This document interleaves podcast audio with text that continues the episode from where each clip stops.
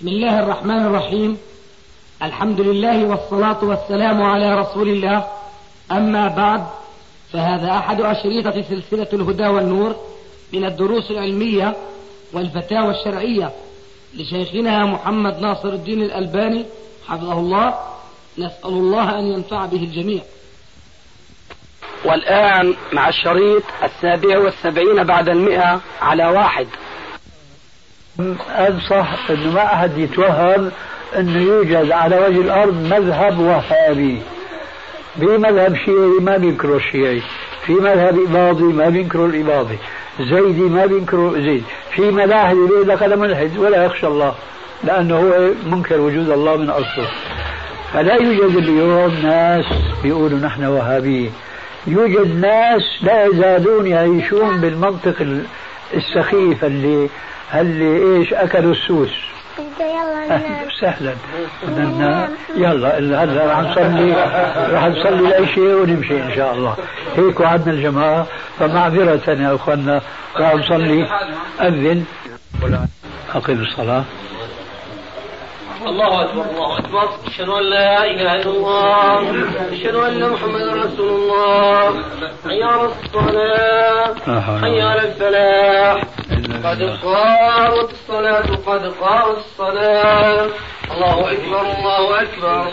لا إله إلا الله.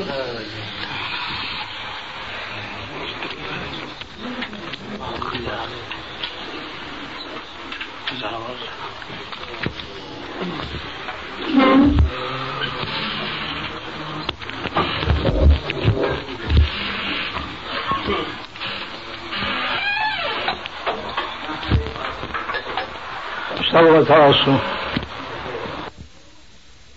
لكم فإن تسوية الصفوف من تمام الصلاة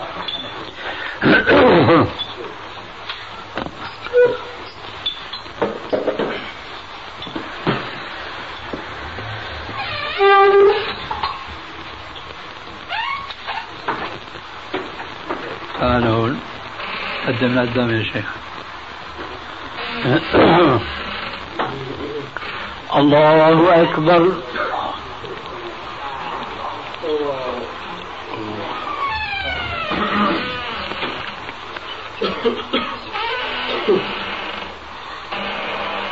الحمد لله رب العالمين. الرحمن الرحيم. ملك يوم الدين. إياك نعبد وإياك نستعين. اهدنا الصراط المستقيم. صراط الذين أنعمت عليهم غير المغضوب عليهم ولا الضالين.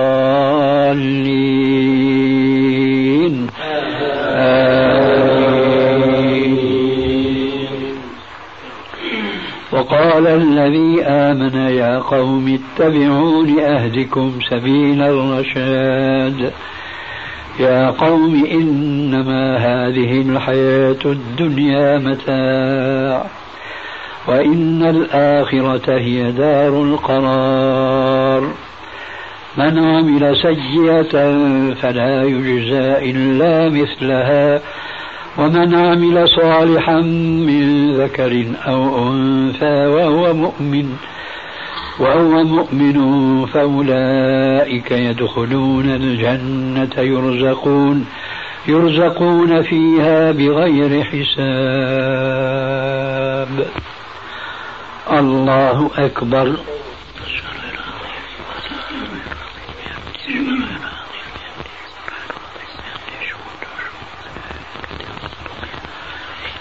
سمع الله لمن حمده.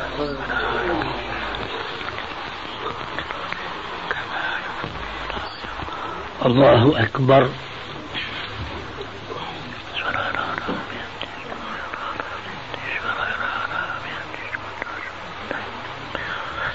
الله أكبر.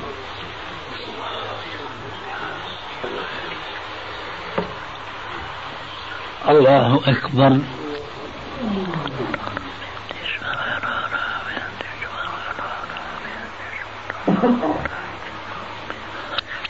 الله أكبر.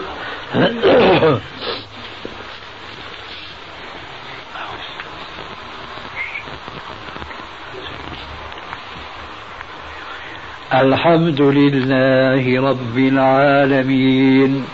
الرحمن الرحيم. ملك يوم الدين. إياك نعبد وإياك نستعين. اهدنا الصراط المستقيم. صراط الذين أنعمت عليهم غير المغضوب عليهم ولا الضالين.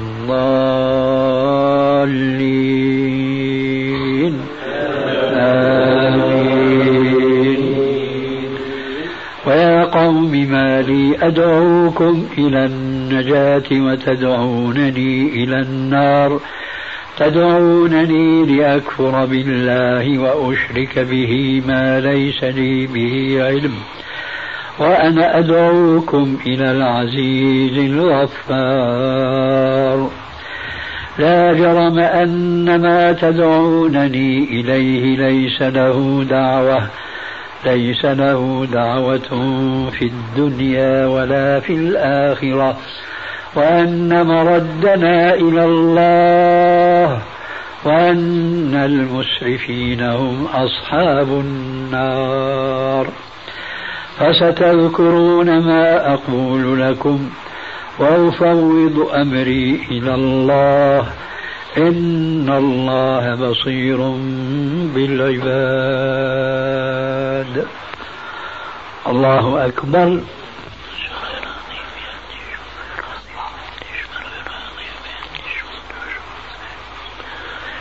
سمع الله لمن حمده.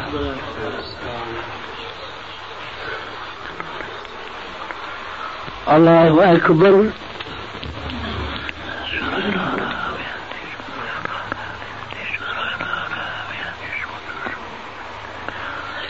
الله أكبر.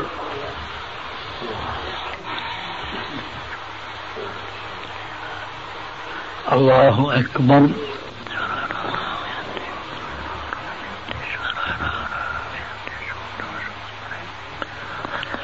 الله أكبر.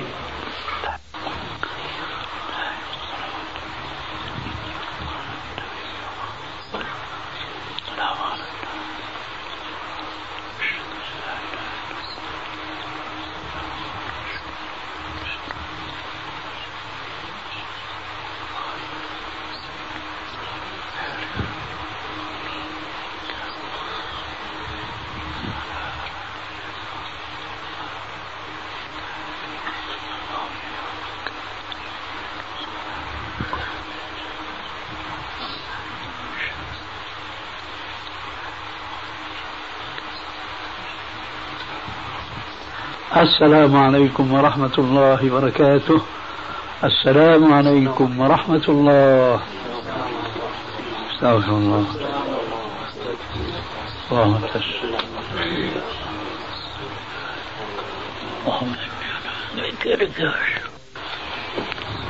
قبل أن ننصرف أرى من واجبي أن أذكر إخواننا المصلين بخطأ يقع فيه جماهيرهم.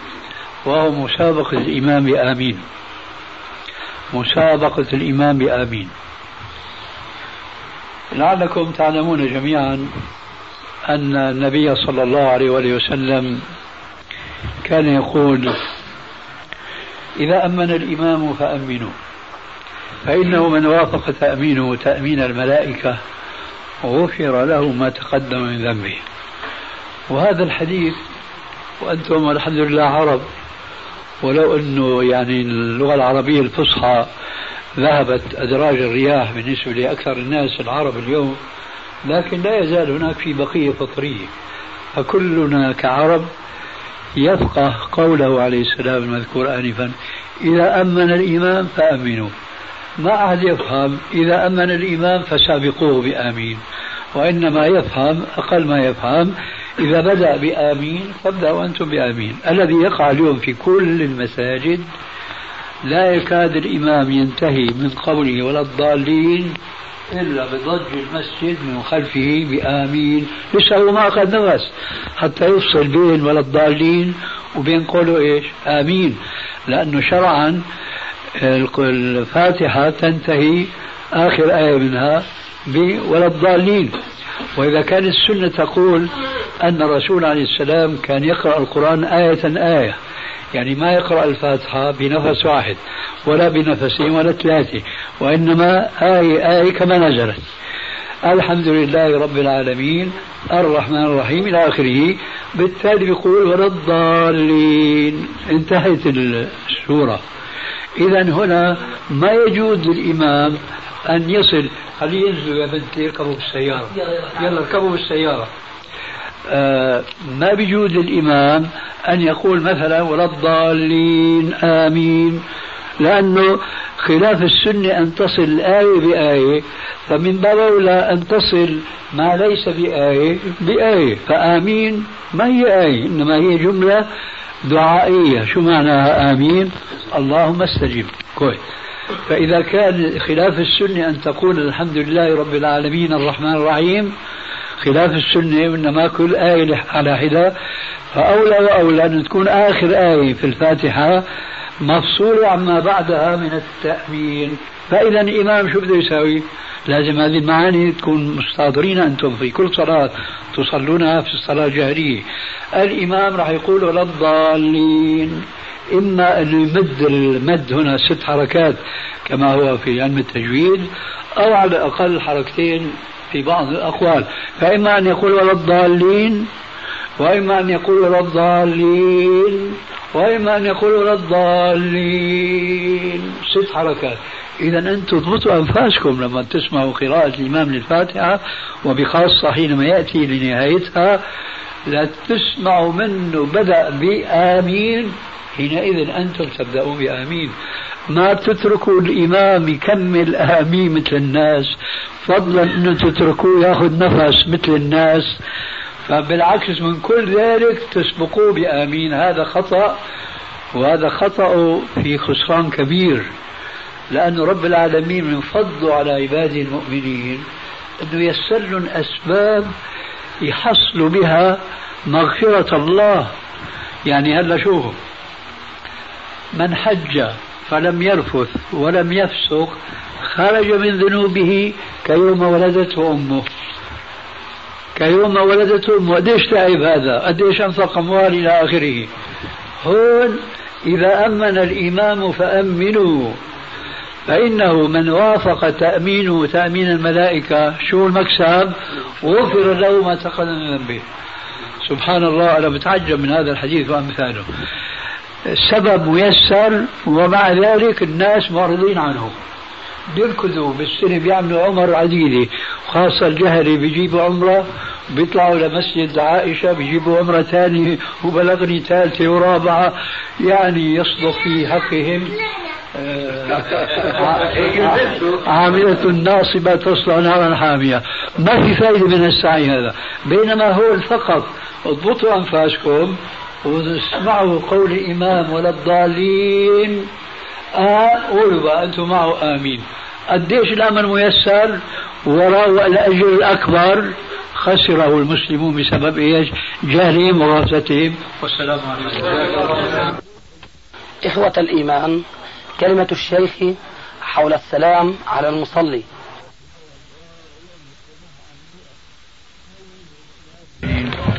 ما قال رب العالمين أن للسلام في الإسلام أهمية كبرى ومن أهمية السلام في الإسلام أنه لا يستثنى حال من حالات المسلم عليه إلا ويشرع السلام عليه إلا إذا كان في حالة آه، لا يليق إلقاء السلام عليه كما لو كان في قضاء الحاجة.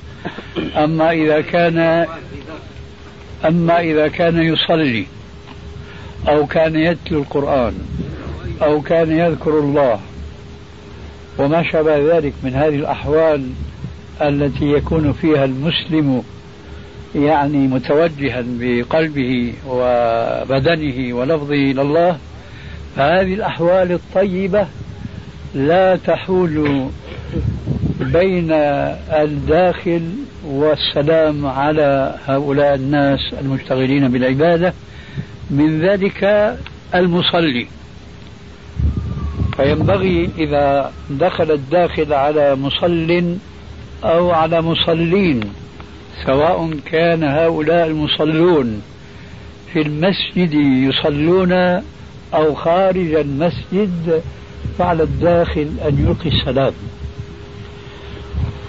ولكن ليس بصوت جهوري قد يشوش على المصلين وبخاصة مع الأسف الشديد أقول أن أكثر المصلين ممن قال عنهم رب العالمين ولكن أكثر الناس لا يعلمون. فبتشوشوا من إلقاء السلام فعلى الداخل إلى المسجد والناس يصلون وراء الإمام أو يصلون فرادا أن يلقي السلام بصوت يسمعه من يليه يسمعه من كان قريبا منه لأن إلقاء السلام من الملك فرض واجب لازم لازم لا بد منه. أما رد السلام فيكفي أن يحصل من أحد الجالسين أو القائمين هناك في المسجد. ولذلك فليس من الضروري بأن يرفع الداخل صوته بالسلام عليكم لأجل أن يجمع بين جلب المصلحة ألا وهو إلقاء السلام وبين دفع المفسدة ألا وهو التشويش على المصلين.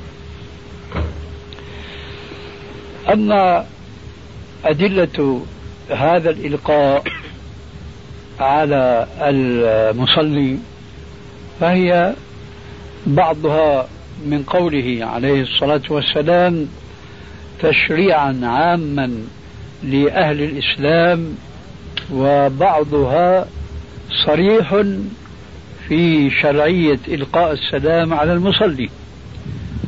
أما النوع الأول الذي أشرت إليه أنه من قول عليه السلام فهناك أحاديث منها الحديث الذي رواه الإمام مسلم في صحيحه من حديث أبي هريرة رضي الله تعالى عنه قال قال رسول الله صلى الله عليه وآله وسلم والذي نفس محمد بيدي لا تدخلوا الجنة حتى تؤمنوا ولا تؤمنوا حتى تحابوا. أفلا أدلكم على شيء إذا فعلتموه تحاببتم؟ أفشوا السلام بينكم. أفشوا السلام بينكم. فالأمر في هذا الحديث الصحيح بإفشاء السلام يدخل فيه كل محل أو كل موضع لم ينهى الشارع الحكيم عن إلقاء السلام فيه كمن كان في بيت الخلاء مثلا أو في أثناء قضاء الحاجة فهذا لا يلقى السلام عليه. وفي ذلك نصوص معروفة عند العلماء. كذلك قوله عليه الصلاة والسلام والحديث في الأدب المفرد للإمام البخاري بلفظ السلام اسم من أسماء الله وضعه في الأرض فأفشوه بينكم. السلام. اسم من أسماء الله وضعه في الأرض يعني جعله شرعا بين الناس فأفشوه بينكم. فكلمة أفشوه هنا ككلمة أفشوا السلام بينكم في الحديث الأول. ثم يأتي الحديث الفعلي الذي يقطع دابر من قد يتأول الحديثين السابقين بأن يقول أن هذا لا يشمل المصلي ولا يشمل التالي ولا يشمل الذاكر. وقد قيل هذا القول ولكنه قول مردود مرفوض. لما رواه الإمام أبو داود في سننه وغيره بالسند الصحيح عن ابن عمر رضي الله عنه أن النبي صلى الله عليه وآله وسلم زار الأنصار في مسجدهم مسجد قباء. فأخذ يصلي. فكان كلما جاءه قوم سلموا عليه. عليه الصلاة والسلام وهو يصلي. فكان يرد السلام إشارة بيده. قيل للراوي كيف كان يشير عليه الصلاة والسلام؟ قال يجعل بطن كفه إلى الأرض وظهرها إلى السماء. رسول الله يصلي هكذا مثلا ولا تشبيه وإنما هو التقريب فيدخل الداخل فيقول السلام عليك يا رسول الله ويعود إلى ما كان عليه. يدخل ثاني وثالث وهكذا. فهذا فيه تطبيق لجزء من أجزاء ذلك النص العام. أفشوا السلام بينكم أي أفشوا السلام بينكم حتى ولو كان المسلم عليه في حالة الصلاة. وإذا كان الأمر كذلك فمن باب أولى السلام على التالي للقرآن وعلى الذاكر الله عز وجل لأن حقوق الصلاة وشروطها أو شروطها آه، أهم بكثير من تلاوة القرآن خارج الصلاة ومن ذكر الله خارج الصلاة.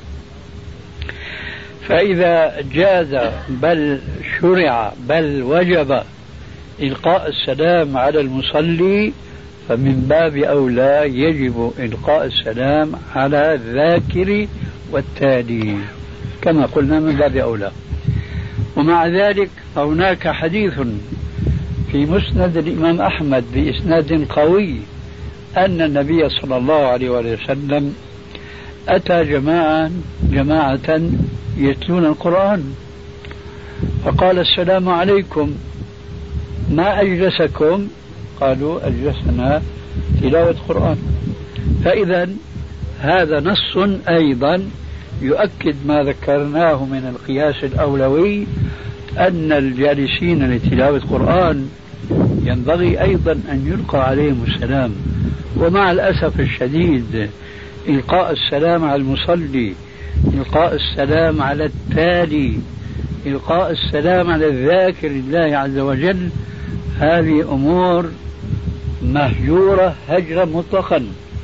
ومن أحيا شيئا منها في جو لم يطرق أسماعهم كتاب الله وسنة رسول الله. عليكم بسنتي وسنة الخلفاء الراشدين من بعدي. هناك سيقام النكير على هؤلاء الذين يحيون هذه السنة بأقوالهم وبأفعالهم. لذلك نحن ننصح إخواننا أهل السنة في كل بلاد الإسلام أن يتدرجوا في تعليم الناس هذه السنن المهجورة بأن يبدأوا قبل أي شيء بأنفسهم ثم بمن يلوذ بهم ويليهم. ثم تستمر الحلقة هذه كالحصاة تلقى في الماء فيعمل دائرة ثم دائرة ثانية وثالثة وثالثة حتى تضيع الدوائر بعدا عن البصر. لكنها تبقى لهذه الحصاة أثرها إلى المدى البعيد الذي لا يدركه عقل الإنسان. فعلى محيي السنة أن يتدرج في في إفشائها وأن لا يفجأ الناس فجأة هكذا فيثوروا عليه ويردون ما يدعوهم إليه. فإذا إذا دخل الداخل على المصلي فعليه أن يسلم كما قلنا بناء على الأحاديث السابقة. هناك حديث آخر. أستدركه على نفسي وهو في صحيح مسلم من حديث جابر بن عبد الله الأنصاري رضي الله عنهما أن النبي صلى الله عليه وآله وسلم أرسله لحاجة. فلما رجع وجد النبي صلى الله عليه وسلم يصلي فألقى السلام عليه فرد السلام إشارة برأسه إيماء برأسه. وهذه صورة أخرى غير الصورة الأولى التي هي الإشارة باليد. وهنا أقول تفقها في الدين ومن يرد الله به خيرا يفقهه الدين. إن ثبوت تنويع الرد من المصلي سلاما مسلم عليه تارة بيده عليه السلام وتارة برأسه. معنى ذلك أن المسلم عليه وهو يصلي ينبغي أن يكون حكيما وأن يأتي من الحركة في رد السلام بأقل ما يتحقق به رد السلام. أفترض إنسانا جاء إلى المصلي من القبلة ليس من الخلف. فقال له السلام عليكم. هنا يكفي أن يرد السلام إيماء برأسه. وليس هناك حاجة أن يقطع الهيئة التي كان واقفا فيها خاشعا لربه فيرفع يده كما في الحديث الأول. وعلى العكس من ذلك. وهذه أمور نحن نلاحظها فيجب أن نتنبه لها. يأتي الداخل المسجد مثلا من الباب خلف المسجد من الباب الشمالي فيقول السلام عليكم. فأنت إذا فعلت هكذا لا يحس بإيمائك برأسك. وإذا فعلت هكذا فلا يرى يدك قد ارتفعت. إذا عليك أن تبالغ في رفع اليد بحيث يظهر لذاك المسلم بأن هذا الذي سلم عليه قد تقبل سلامه ورده عليه إشارة بيده لأنه لا يستطيع أن يرد السلام بلفظه. هذا من الآداب المتعلقة بقوله عليه السلام أفشوا السلام بينكم. السلام عليكم. السلام عليكم. الله يعطيك العافية. إخواننا مش راح يتركوك تاكل أنا عارفهم يعني.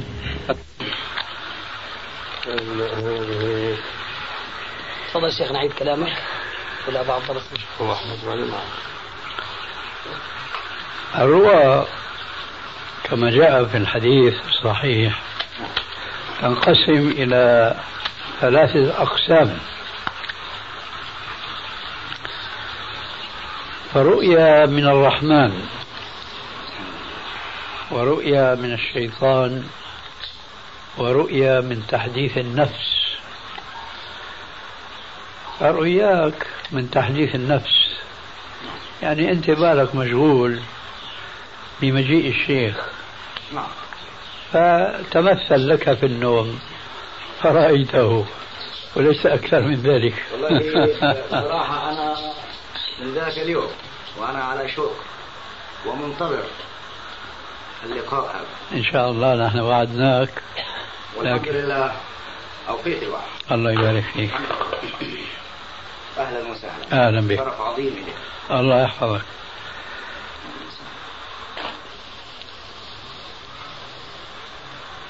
درس. نعم. ما فهمت في زاغرب زاغرب زاغرب زاغرب نعم. زاغرب نعم. وأنو شو اسم الدولة؟ يوغوسلافيا. يوغوسلافيا. نعم. شمال يوغوسلافيا؟ نعم شمال يوغوسلافيا. آه. قريب من حدود إيه؟ نحن من النمسا النمسا نعم. آه. شو أطاح بك إلى هناك؟ والله قدر الله. لا قدر الله وكل شيء محيط لكن أسأل عن أسباب. كان يعني نهيت أنا أصلا في السعوديه مقيم.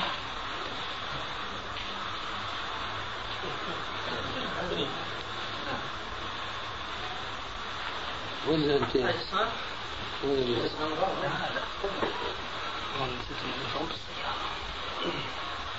أنهيت في السعودية آه، ثم حضرت هنا يعني في الأردن. إحنا مقيمين في أربد. فقمت حوالي سنة ونص. يعني استمريت هناك ثم يعني أعرف احد الزملاء في في أربد. فقمت حوالي سنة ونص. يعني استمريت هناك ثم يعني أعرف احد الزملاء في يوغوسلافيا فأخبرني يعني إنه هنا. ذهبنا انه في مركز إسلامي الآن في زاغرب. يعني يمكن أكبر مركز إسلامي في أوروبا. افتتح. هذا الشيء يعني البنك السعودية والكويت ودول الخليج. فإن ذهبنا هناك والحمد لله. طبعا هو ماسكين اليوغوسلاف. الاتحاد في اتحاد يوغوسلافيا في سراييفو. سراجيفو نعم سراجيفو نعم. مم. آه. وهي جامعة إسلامية؟ لا أنا أدرس الآن يعني أنهيت على أساس إني أحضر دخول طب. لا. طب. طبعا هذا يعني هو سؤال يعني. هل لأنه في يعني تألقت في حول موضوع التشريح على ما أظن في بس إنه حول كسر عظم حول كسر يعني ما هم يعني هنا هناك لأنه جميع أفراد الشعب يعني يجب أن يشرح.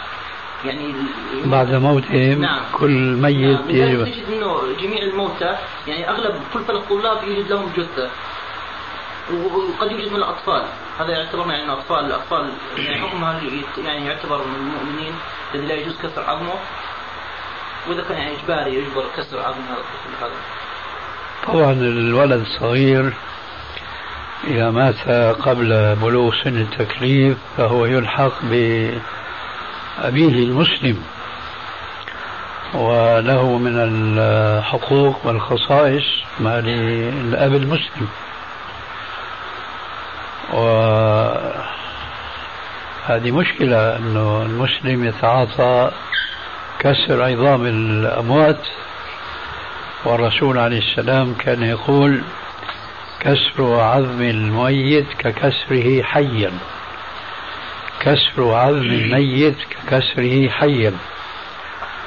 وفي رواية كسر عظم المؤمن ككسره حيا. ولذلك فإذا كان طالب العلم مضطرا ليدرس الطب فيجب أن يتحاشى الوقوع في مثل هذه المخالفة. ويجب أن يتحرى إذا كان باستطاعته أن يجرب أو يتمرن على جثة الكافر وليس على جثة المسلم. وفي ظني أن هذا شيء غير متيسر لطالب العلم أليس كذلك؟ ويستطيع أنه يعني أنا أظن يعني أنه طالب أنه يرفض يعني ممكن يعني قد يوجد بعض الصعوبات لكن يعني ممكن لأنه في متوفر جثث يعني كثير يعني أغلب كثرة الطلاب يوجد لهم جثة فيستطيع يعني يعني محاولة يعبر لهم يعني إنه يرفض هذا. وبيكون يعني متميز المسلم من الكافر وإحنا الجمهوريه جمهورية خرفاتي هذه المسلمين قليل. أغلبهم يعني يأتي مهاجرين وقليل يعني ما يوجد مسلمين. أغلبهم نصارى. أيوه. أما الجمهوريات الجنوبية يعني مسلمين. هذيك مشكلة يدرسوا في الجنوب. يعني كان كثير الطلاب يسالوا عن حول مسألة التشريح يعني بعض الطلاب ارسلوا الشيخ من باز. يعني ولا هو أصلا يعني حكم الدولة الشيوعية إنما الشعب يعني هذا يعني يعود مسألة أخرى إنه الشعب نفسه يعني أغل يعني لا لا يوجد يعني إنسان يقول أنا شيوعي. يعني يوجد نصارى وأغلبهم يعني الجنوب اللي كانت تحت الدولة العثمانيه أكثر البلاد أخي الشيوعيين فالشيوعي فيها هن الحكام. أما الشعوب فهم لا يزالون سواء كانوا مسلمين أو كانوا نصارى. هذا هو النظام. 250 مليون وين؟ عدد الحزب الشيوعي. آه. 10 مليون والباقي كلهم على ديانات أخرى هذا هو. يجي مسيحي أي نعم. شيخ إذا سمحت والله تفضل. السؤال متعلق باللي حكى هم حكم أولاد النصارى اللي هم دون سن التكليف. الذين هم دون سن التكليف. حكم أطفال النصارى المتوفون دون سن التكليف. وعليكم السلام ورحمة الله وبركاته. السلام ورحمة الله وبركاته.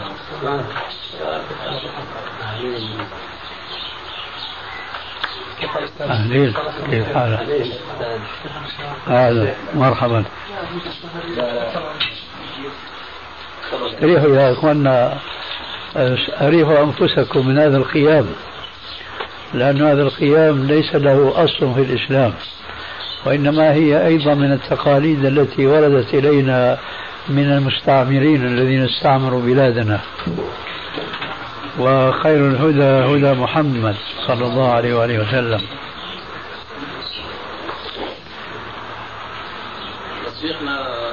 ولقد كان من هديه صلى الله عليه وآله وسلم أنه إذا دخل على أصحابه لا يقوم له أحد.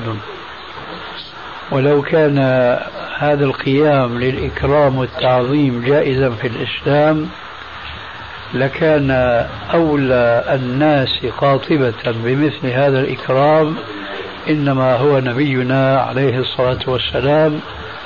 هذا من جهة المقام له ومن جهة القائمين فالصحابة هم أعرف الناس بقدر الرسول عليه السلام. فإذا كان من المعلوم في التاريخ وفي السيرة الصحيحة أنهم كانوا لا يقومون له كما يقول أنس بن مالك رضي الله عنه ما كان شخص أحب إليهم من رسول الله صلى الله عليه وآله وسلم وكانوا لا يقومون له لما يعلمون من كراهيته لذلك. وكما قلنا خير الهدى هدى محمد صلى الله عليه وآله وسلم. فعلى المسلمين قاطبة أن يتعودوا على السنة. ذلك خير لهم وأبقى. وأنا أعرف صعوبة صعوبة ترك العادة التي ابتلي بها الناس.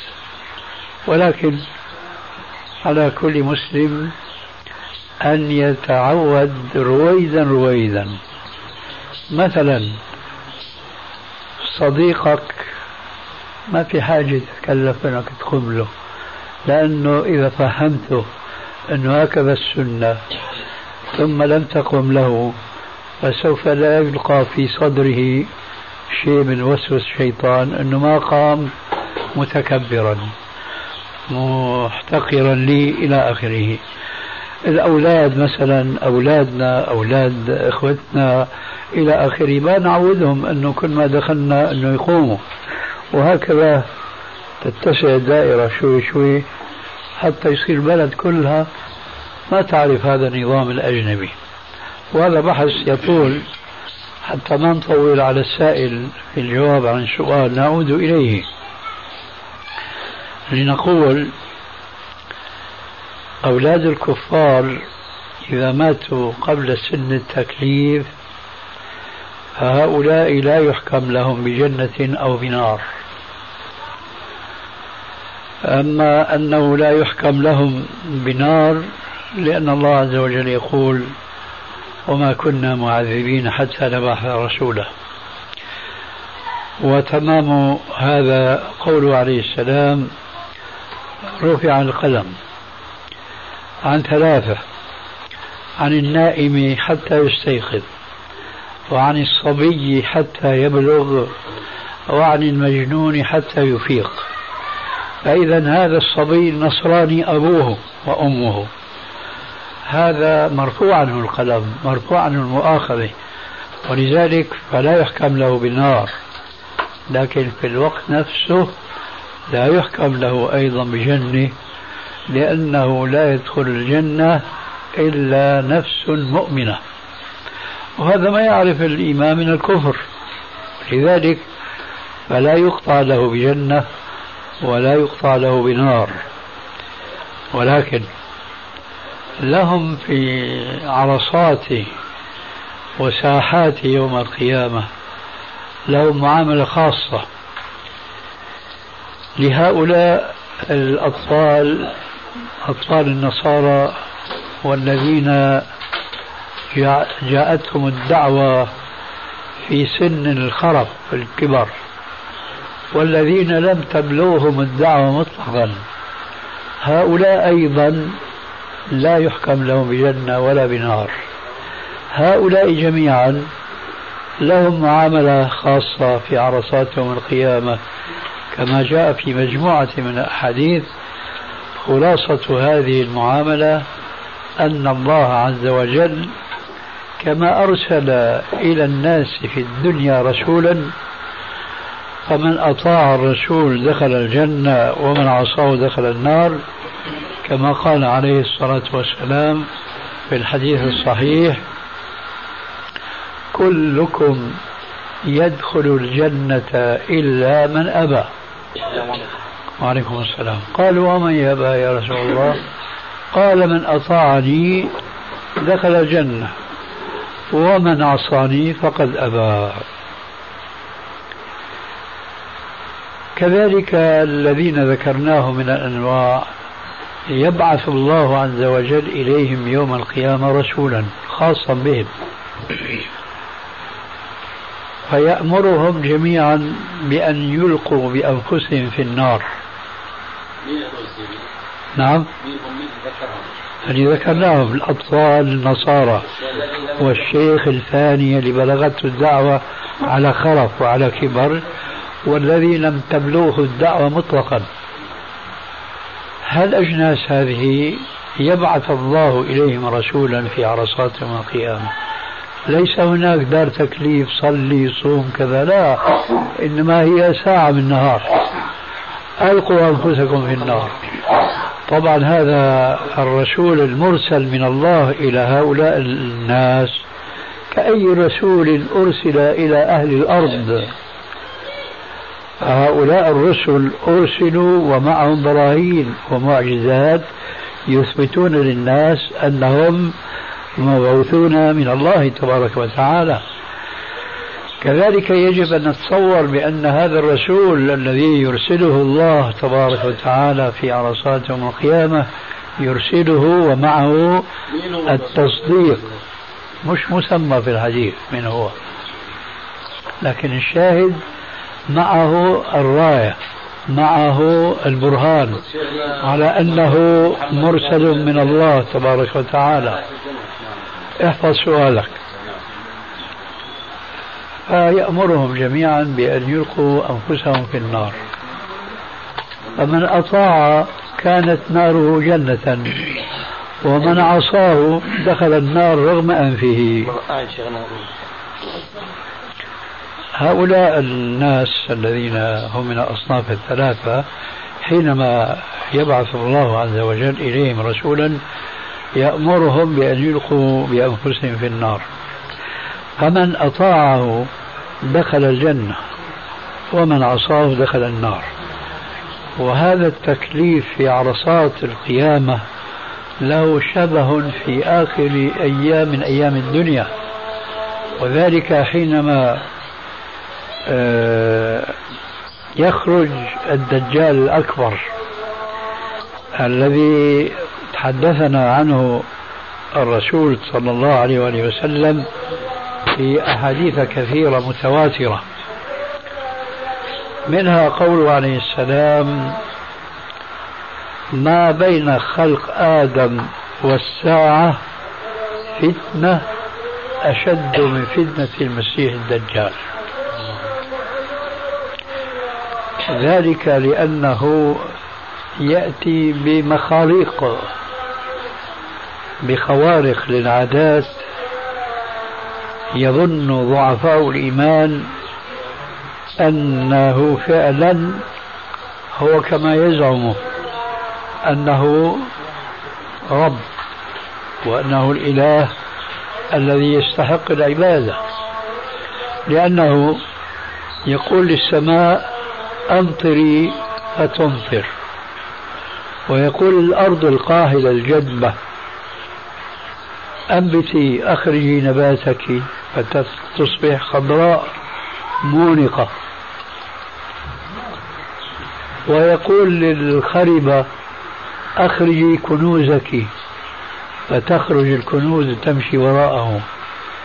يعني أشياء من جملة الفتنة التي يفتتن بها الناس بالدجال. ولكن الله عز وجل كما هي سنته في عباده يبتلي الناس بالخير والشر. فهو بالإضافة إلى أنه يسخر لهذا الدجال هذه الأنواع من الخوارق فبالإضافة إلى ذلك يبتليه بأن يكون أعور العين. ومكتوب على جبينه كافر يقرأه الأم والقارئ. فهذا برهان لكونه كذاب. وتلك براهين توهم ضعفاء الإيمان أنه إله. ولذلك قال عليه السلام لما وصفه بأنه أعور قال عليه السلام وإن ربكم ليس بأعور وإن أحدكم لن يرى ربه حتى يموت. إذا أي إنسان مهما كان صاحب مخاريق وخوارق و... وآيات يعني يظنه الناس أنها كرامات فما دام أنه يدعي الألوهية فإن أحدكم لا يرى ربه حتى يموت إذا هو دجال. هذا الدجال يقول للناس آمن به أدخلتك الجنة ويريه جنة. ولمن يعصيه يريه النار. فيقول الرسول عليه السلام فمن كفر به أدخله النار وهو في الجنة والعكس بالعكس من من آمن به أدخله الجنة وهو في النار. نفس العملية هذه تتكرر يوم القيامة مع أولئك الأجناس. أظن هذا جواب سؤالك. جزاك الله خير. الفتنة اللي هي أشد من فتنة الدجال. هل بعد الدجال ولا قبل الدجال؟ ما في فتنة أكبر من فتنة الدجال بصريح هذا الحديث. ما بين خلق آدم والساعة فتنة أضر من فتنة المسيح الدجال. نعم. لا يوجد يعني أضر لا أبدا. شيخنا بالنسبة للمسألة الأولى. أبو عبد الله. نفس السؤال الأول. حديث أطفال المشركين خدموا أهل الجنة. نعم. إذا عرفت تفصيل السابق فلا شك أن في هؤلاء الأطفال من يستجيب لدعوة الرسول فيكون أولئك هم الخدم. في أشكال. ولا شايفك عم تصفن والله أنا ما بعرف شايف الحديث في كل اطفال شلون ما بتعرف يعني؟ يعني أنا شايف الحديث في كل اطفال المشركين لو غيرك قال هذا ما تعرف إنه بالفقه في عام وخاص؟ نعم طيب الكلية هذه ما الذي أوقفك عندها مع معرفتك؟ ما الذي خصصها؟ ما ذكرته لك آنفا حديث أربعة يحتجون شيخنا كيف؟ حديث أربعة يحتجون آه. مذكور في الأطفال. في بعض الروايات التي ذكرها الإمام ابن كثير في تفسيره عند آية وما كنا معذبين حتى نبعث رسولا هذا شيء والشيء الثاني أن الرسول لما سئل عن أطفال المشركين هل هم في النار أو في الجنة قال الله أعلم بما كانوا يعملون. الله أعلم بما كانوا يعملون يعني إذا بلغوا سن التكليف. هم في الدنيا لا يحكم لهم بجنة أو بنار كما ابتدأنا الكلام. هذا بالنسبة للمؤاخذة الأخروية. لكن شو رأيك إذا مات طفل الكافر أين يدفن؟ في مقابر المسلمين. سبحان الله. على ما هو يقول به الآن. على ظهر الحديث. يعني لو غيرك قال وهذا وهذا من الأمثلة الكثيرة أنه المنهج السلفي يحتاج إلى تبسيط كثير. ومن ذلك قوله تعالى. ومن ذلك قوله ومن ذلك قوله تعالى. ومن يشاقق الرسول من بعد ما تبين له الهدى ويتبع غير سبيل المؤمنين نولي من تولى ونصلي جهنم وساءت مصيرا. فالسؤال الآن يتطور بناء على الجواب السابق. فنقول ما هو سبيل المؤمنين بالنسبة للكفار عموما كبار وصغار؟ خلصت الشهادة شيخنا أنا أذكر اختيار شيخ الاسلام ابن تيمية وابن القيم وهو انه صاروا مشركين في الجنة بناء على هذا الحديث. لا حتى حتى الآن. لا ما هو يعني هذا ما اشترك لا حتى الآن. كان آخر نقطة إيه؟ الدفن. نعم. لا ما هو يعني علقت على أساس إنه منهج السلف يحتاج ما معليش معليش. ائمه السلف اختاروا هذا القول. حتى لا تزال أنت مصر على الحيدة. ارجع على الحيدة. الظاهر بدك تألف كتاب ثاني الحيدة. صح مؤلفة. حب انه الأمر كذلك. هذا في الدنيا أم في الآخرة؟ فتح عينك ها؟ ابعد عنك حديث المخطرة. يعني ما نقلته عن شيخ الإسلام. أنا ما أعرف شيخنا. آه خلاص الآن خلاص انتهى. لأنه مش ممكن واحد يموت ابنه يروح يسكنه بمقابر وأنا عارف على غير دينه إيه. هذا ما أعرف فيها إيه. لكن في إيه. الأمر الأخروي آه. طالما أنه هذا الحديث يقول اطفال المشركين خدموا أهل الجنة. إيه. بما أخرجناهم أو كنا أنه مش في الجنه أو في النار. أخرجناهم ذكرنا لك أنه اطفال آه، مذكورين في بعض الروايات ذكرها ابن كثير في الآية السابقة نعم. وما كنا معذبين حتى نبعث رسولا ثم ذكرنا لك الحديث المتفق عليه لما سئل عن أولاد المشركين هل هل هم في الجنة؟ الحديث الثاني شيخنا ممكن يوجه مين؟ الحديث الثاني الله أعلم بما كانوا فاعلين إيه بما كانوا يعملون بما كانوا يعملون إيه. معنى أن الله سبحانه وتعالى يعلم ما سيؤول إليه. وبالتالي حكم لهم بالجنة على لسان نبيه. أي نعم. لكن أظن أن الإشكال في الحديث الذي ورده بالكثير.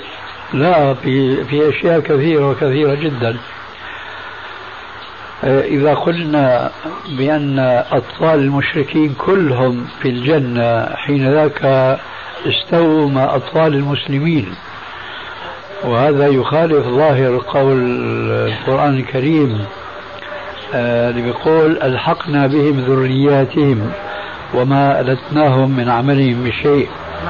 هذول المسلمون تلحق بهم ذرياتهم.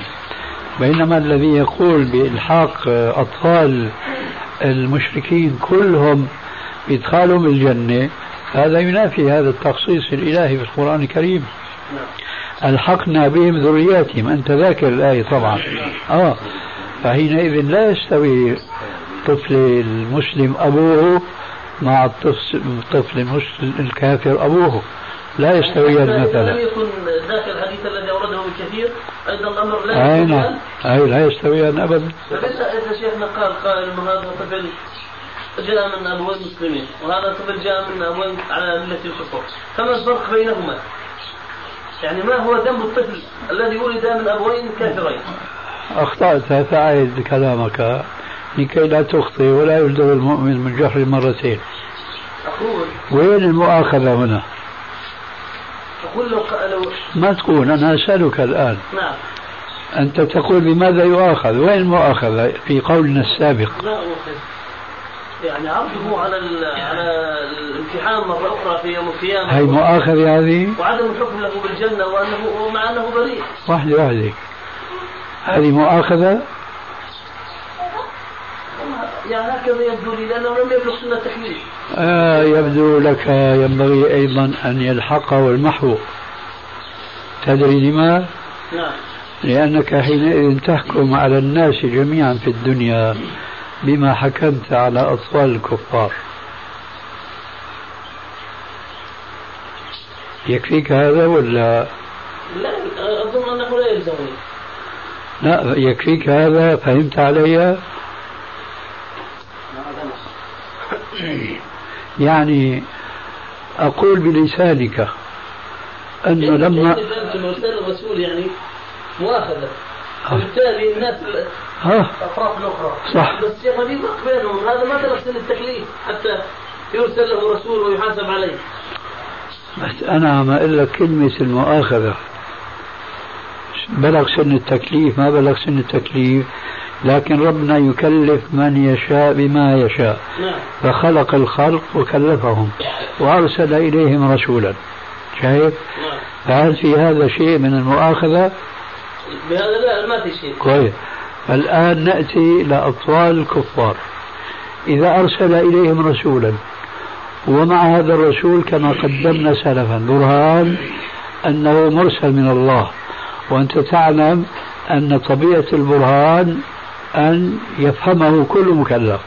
صحيح؟ حين ذاك ما يهمنا أكان طفلا أم كان رجلا. المهم أن هذا الرسول معه برهان أنه من الله عز وجل. فحينئذ ظهر له البرهان ولم يخضع له. في مؤاخذة في هذا؟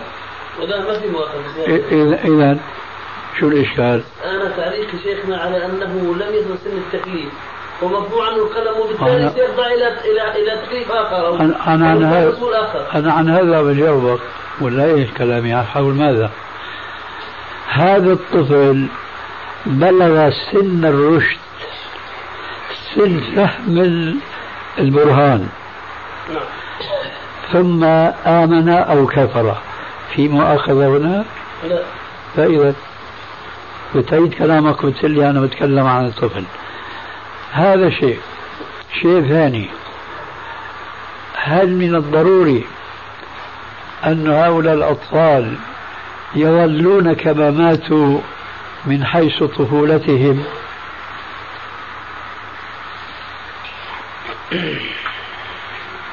معلش شيخنا قاعد رائد أتعامل شوي فيك. أقول هل من الضروري كون هؤلاء الأطفال ماتوا قبل سن التكليف في الدنيا؟ أنهم حين يبعثون يكونون كذلك؟ ليس من الضرورة إذا ما في حجة قاطعة أبدا فيما أوردت من إشكال إيمان الحقنا بهم ذرياتهم.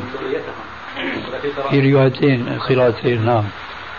يعني المهم شيخنا الحديث؟ قالوا بالنسبة للمشركين خدموا في الجنة في كلامك السابق أنه مخصص. أي نعم. بمن أطاع بمن أطاع ال- الرسول في عرصات يوم القيامة. يعني الشيخ الخلاصة إنه من دخل الجنة من اطفال المشركين تكون وظيفته خادما.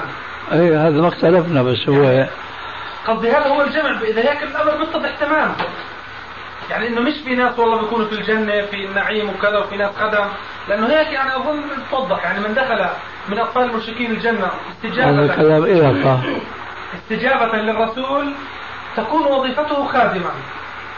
سيدي كلهم في الجنة مش مشكلة. أي لا لا. أي نعم بسم الله. من نجح في الامتحان الاستثنائي كان هذا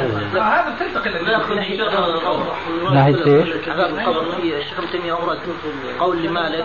يعني حديث مالك الرسول صلى الله عليه وسلم قال يعني اللهم جنبها عذاب القبر. الطفل الذي مات. فهذا الحديث اولا صحيح وإذا كان صحيح فهل يعذب؟ يعني يحكم انه يعني يحكم هذا الطفل الطفل الكافر إنه يعذب عذاب القبر؟ أو لا يعذب؟ مين قال إنه الطفل يعذب؟ عذاب لأنه القبر؟ في ابن تيمية أورد قول ح- يعني استناد الحديث مالك صححه. يعني في عندما مات طفل طفل يعني طفل كا يعني كافر وهذا فدعا له تجنيب عذاب القبر. إذا كنت ما تستحضر الحديث فأنا ما أعرفه. أبو عبد الله. تفضل. حققنا فيها التعليق عليها تفضل. وبعتقد انه كان اول قادم الجاهليه كانوا يقومون للتعظيم وليس للاحترام فهذه العملية نهى عنها الرسول في وقتها. نهى عنها الرسول في وقتها.